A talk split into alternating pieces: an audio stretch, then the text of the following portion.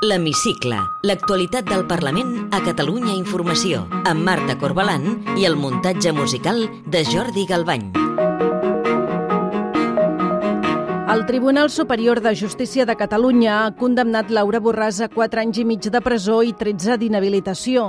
La considera culpable dels delictes de prevaricació i falsedat documental per fraccionar contractes quan dirigia la institució de les lletres catalanes per afavorir així un conegut seu, l'informàtic Isaías Herrero. Tots els partits, excepte Junts per Catalunya, li han demanat que plegui com a presidenta del Parlament, però ella s'hi nega.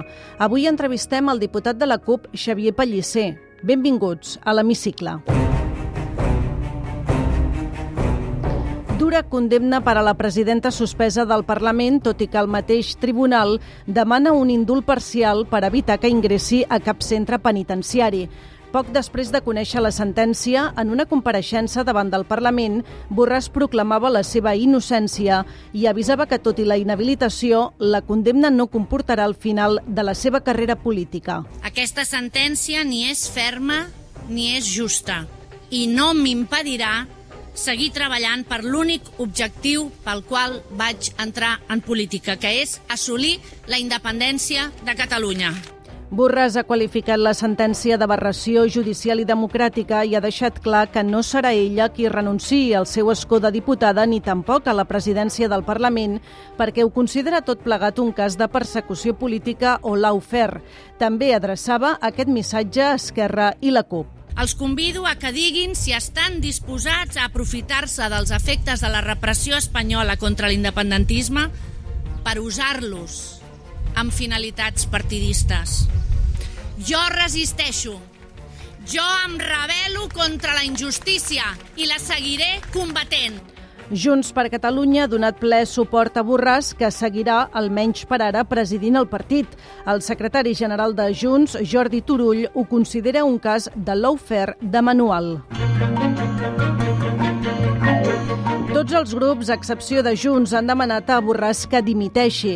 El mateix president de la Generalitat, el republicà Pere Aragonès, s'ha afanyat a desvincular aquest cas de la repressió a l'independentisme i ha demanat el relleu de Borràs. Les institucions d'autogovern de Catalunya les hem de preservar entre totes i tots i, per tant, espero que tothom prengui les decisions eh, més adequades eh, per eh, preservar precisament eh, la dignitat per preservar la honorabilitat i per preservar el bon funcionament de les institucions de Catalunya. La portaveu del PSC al Parlament, Alicia Romero, i la cap de files d'en Comú Podem, Jessica Albiach, han demanat també a Borràs que plegui de presidenta del Parlament. Nosaltres el que creiem que seria raonable és davant d'aquesta sentència condemnatòria és que eh, la diputada Borràs i presidenta suspesa del Parlament doncs, eh, fes un pas al costat. Si Borràs decideix seguir endavant amb la seva fugida, la resta de grups parlamentaris no podem quedar-nos de braços creuats. Cal escollir un nou president o una nova presidenta.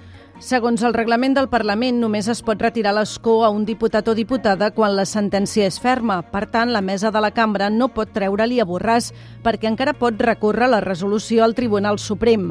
Ara bé, hi ha un altre actor, la Junta Electoral, que pot entrar en joc i precipitar el final de Borràs al Parlament.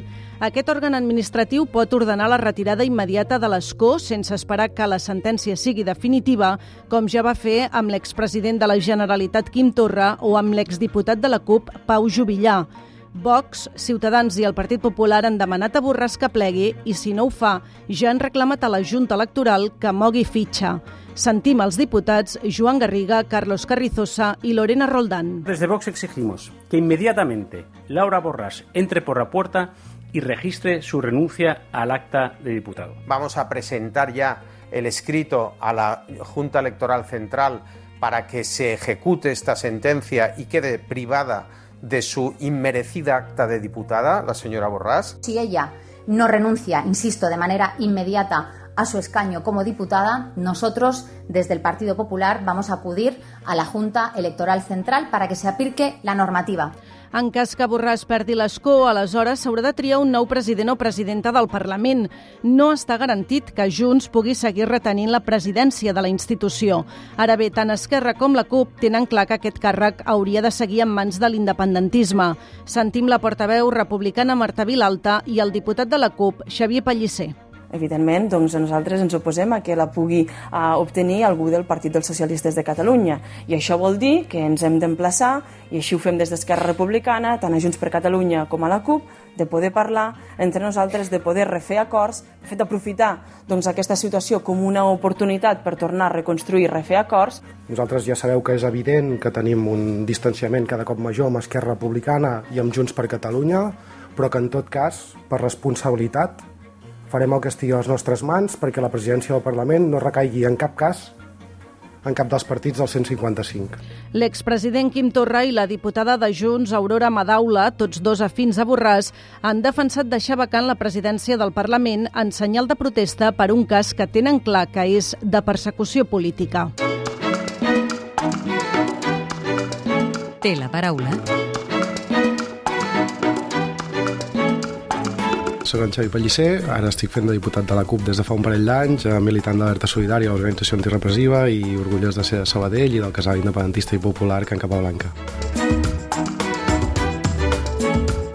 Ara que ja coneixem la sentència i és condemnatòria, creu que Laura Borràs hauria de plegar com a presidenta del Parlament?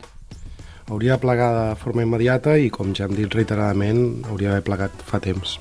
Segons el reglament del Parlament, només es pot retirar l'escó a un diputat o diputada en cas de sentència ferma, però la Junta Electoral sí que pot ordenar la retirada immediata de l'acte, com ja va fer amb l'expresident Quim Torra o amb l'exdiputat del seu partit, Pau Jubillà. Creu que la Junta Electoral actuarà en aquest eh, cas? Bé, doncs, sens dubte actuarà. De fet, ja l'extrema dreta i la dreta extrema ja han impulsat eh, escrits a la Junta Electoral perquè així sigui i el que nosaltres defensarem sempre i en tots els casos és el reglament del Parlament i per tant la sobirania del Parlament. Això vol dir que la mesa eh, hauria de desacatar la eh, instrucció de la Junta Electoral Central en cas que demani la retirada de l'escó? Doncs com ja hem vist en la resta de casos és, és complex i és complicat, però, però en tot cas nosaltres haurem de fer el paper de defensar el reglament del Parlament fins allà on, on podem arribar i si és un cas de, de condemna que no és ferma, el reglament del Parlament diu que no toca retirar l'acte de diputada. Si la Junta Electoral retirés l'escó a Borràs, aleshores sí que s'hauria de triar un nou president o presidenta del Parlament. Vostès són partidaris que Junts continuï tenint la presidència de la institució? Bé, doncs, com és evident, no, en els darrers mesos eh, especialment ens hem distanciat tant de Junts com Esquerra Republicana per les polítiques que estan aplicant, tant pel que fa aplicar el programa de patronal com pel que fa a l'atzucat en el que estem en l'àmbit d'avançar el procés independentista, però tot i així, per responsabilitat, farem el que estigui a les nostres mans perquè la presidència no recaï en cap cas en cap dels partits del 155. Per tant, eh, abans que la presidència la tingués el PSC com a primera força del Parlament, entenc que eh, veuríem bé que eh, Junts retingués la presidència. Bé, esperem quines propostes hi ha damunt la taula i a partir, a partir d'aquí valorarem, però amb aquesta premissa clara de que la presidència del Parlament no pot estar en un partit que no respecta les institucions catalanes. Vostès s'han ofert en diverses ocasions la CUP per presidir el Parlament. És descartable que acabin presentant un candidat propi tot i la força parlamentària que tenen? Bé, nosaltres, quan ens hem proposat per presidir el Parlament, ha estat en un context determinat i clar, que era per defensar la sobirania del Parlament, per defensar els drets dels diputats i diputades i per defensar els drets materials dels ciutadans i ciutadanes de Catalunya enfront d'un estat que no garanteix ni un habitatge digne, que no garanteix el dret a l'autodeterminació i que segueix represaliant. Crec que el context ha canviat i per tant a partir d'aquí valorarem els escenaris, però sempre amb aquesta premissa clara que no permetrem, dins del que està a les nostres mans, que cap partit del 155 tingui la presidència al Parlament. I si fos el cas, veuria bé que Esquerra ostentés la presidència del Parlament a més de la presidència de la Generalitat? Bé, haurem de, tots aquests escenaris els haurem de valorar a posteriori. Ja sé que a nivell de, de premsa es vol avançar en molts escenaris, però que ara mateix tot just estem en una sentència que no és ferma, que per tant, segons el reglament del Parlament, hi ha una diputada que està suspesa però que ara mateix hauria de conservar aquesta condició de suspesa. En tot cas, nosaltres pensem que la sortida que hi hauria d'haver ara mateix és que Laura Borràs dimitís i per tant s'obrís aquest nou escenari, però eh, ara mateix hi som lluny, no?, pel que sembla. Algunes veus de Junts per Catalunya, com la diputada Aurora Madaula i també l'expresident Quim Torra, han demanat a l'independentisme que deixi vacant la presidència del Parlament en senyal de protesta per un cas que ells consideren de l'oufero de persecució política. La CUP s'hi avindria en aquest escenari de deixar vacant la presidència? ja no compartim ni el diagnòstic o ni les premisses de base de les quals parteixen, per tant és molt difícil que ens posem d'acord en una proposta així. Per tant, eh, veuen inviable aquesta opció? Bé, mm, la senyora Laura Borràs ha estat condemnada per corrupció, per fraccionar contractes per afavorir a un conegut i això és un cas de corrupció, no és un cas de l'ofer. Per tant, eh, qualsevol proposta que parteixi d'aquesta premissa no ens sembla vàlida. Creu que el govern espanyol li hauria de concedir l'indult parcial que ha demanat el mateix tribunal sentenciador? Doncs en la mateixa sentència hi ha un vot particular que posa en evidència mmm, que és una sentència molt dura i per tant eh, no ser una sentència ferma té un recorregut de recursos i que pot fer variar aquesta, aquesta condemna final. En tot cas, el vot particular no qüestiona que hi hagi corrupció, però sí que qüestiona les penes que s'han imposat eh, fins que no s'arribi al final d'aquest trajecte em sembla que és precipitat parlar d'indults, ja que no és aplicable. Aquesta setmana hem tingut una altra notícia força destacada, el retorn a Catalunya de l'exconsellera i ara eurodiputada de Junts, Clara Ponsatí, després de cinc anys a l'exili.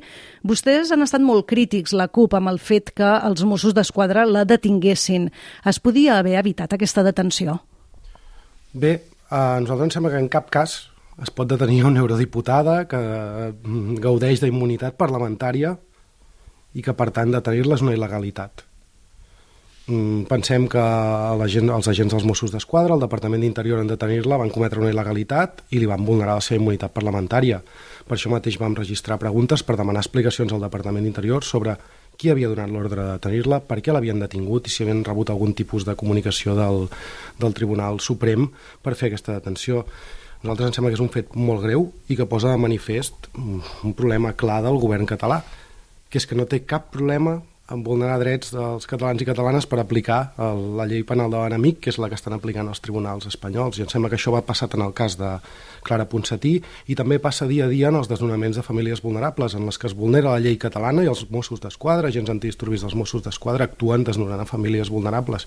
Això no pot passar. Per nosaltres això és una línia vermella i treballarem perquè deixi de passar i ens sembla un fet molt greu i pel qual el govern, el president de la Generalitat han de donar explicacions que a parer nostre no les han donat. Aquesta setmana també ha quedat vist per a sentència un altre judici, el de la consellera Meritxell Serret per l'1 d'octubre. Creu que s'estan fent passes cap a la de judicialització com sosté Esquerra? En cap cas en cap cas. Precisament el fet eh, que detinguessin a, a Clara Ponsatí aquesta setmana, el fet eh, que hi hagués el judici de Meritxell Serret també aquesta setmana, o fets menys coneguts però també transcendentals, com que hi hagués el judici a 21 persones del cas de 21 raons, que el 1 d'octubre de 2018 van tallar les vies de Girona i que s'enfronten a penes de presó, o el fet també que arribessin una norantena de sancions a 40 activistes del moviment per l'habitatge, precisament per defensar una família vulnerable, el que posen damunt la taula és que no hi ha cap tipus de, de judicialització de la política, ni pel que fa al moviment independentista ni pel que fa a les lluites socials. Si li sembla bé, ens endinsem ara ja en el terreny més personal i li demano si pot contestar amb respostes al màxim de breu possibles. Per què va decidir entrar en política? Jo crec que hi vaig entrar des de molt jove i ara estic de pas no, per la política institucional al, al Parlament, però és una motivació per deixar un món millor el que, el que he arribat. Quins dos adjectius el defineixen millor a vostè? Alegre i combatiu. M'agradaria que fossin sempre i intento que així siguin. Quina injustícia social l'enerva més? La ignorància respecte a la pròpia injustícia social o el mirar cap a un altre lloc quan s'està produint, perquè és molta, molt evident i a tot arreu. S'identifica amb alguna música concreta? Doncs depèn del moment i amb molt, amb molt variades. Ara darrerament estic més, per exemple, amb rap melòdic, no? en català sobretot, que s'estan fent coses molt xules, però depèn del moment l'esca també m'agrada molt i el, i el reggae. Amb quin diputat o diputada que no sigui del seu grup compartiria una sobretaula distesa? Bé, doncs potser amb, amb Josep Maria Jové, d'Esquerra Republicana. I ja per acabar, completi la frase següent. El que més m'agradaria del món és... Doncs uh, ser, ser feliç o seguir sent feliç i, i poder viure en un món feliç i tranquil i amb una vida digna que mereixi ser viscuda. Xavier Pellicer, diputat de la CUP, un nou cicle per guanyar. Gràcies per atendre'ns a l'hemicicle de Catalunya Informació. Moltes gràcies, que vagi molt bé. Podeu tornar a escoltar l'Hemicicle al web catradio.cat barra hemicicle o al podcast del programa i seguir l'actualitat del Parlament al perfil de Twitter arroba L-hemicicle.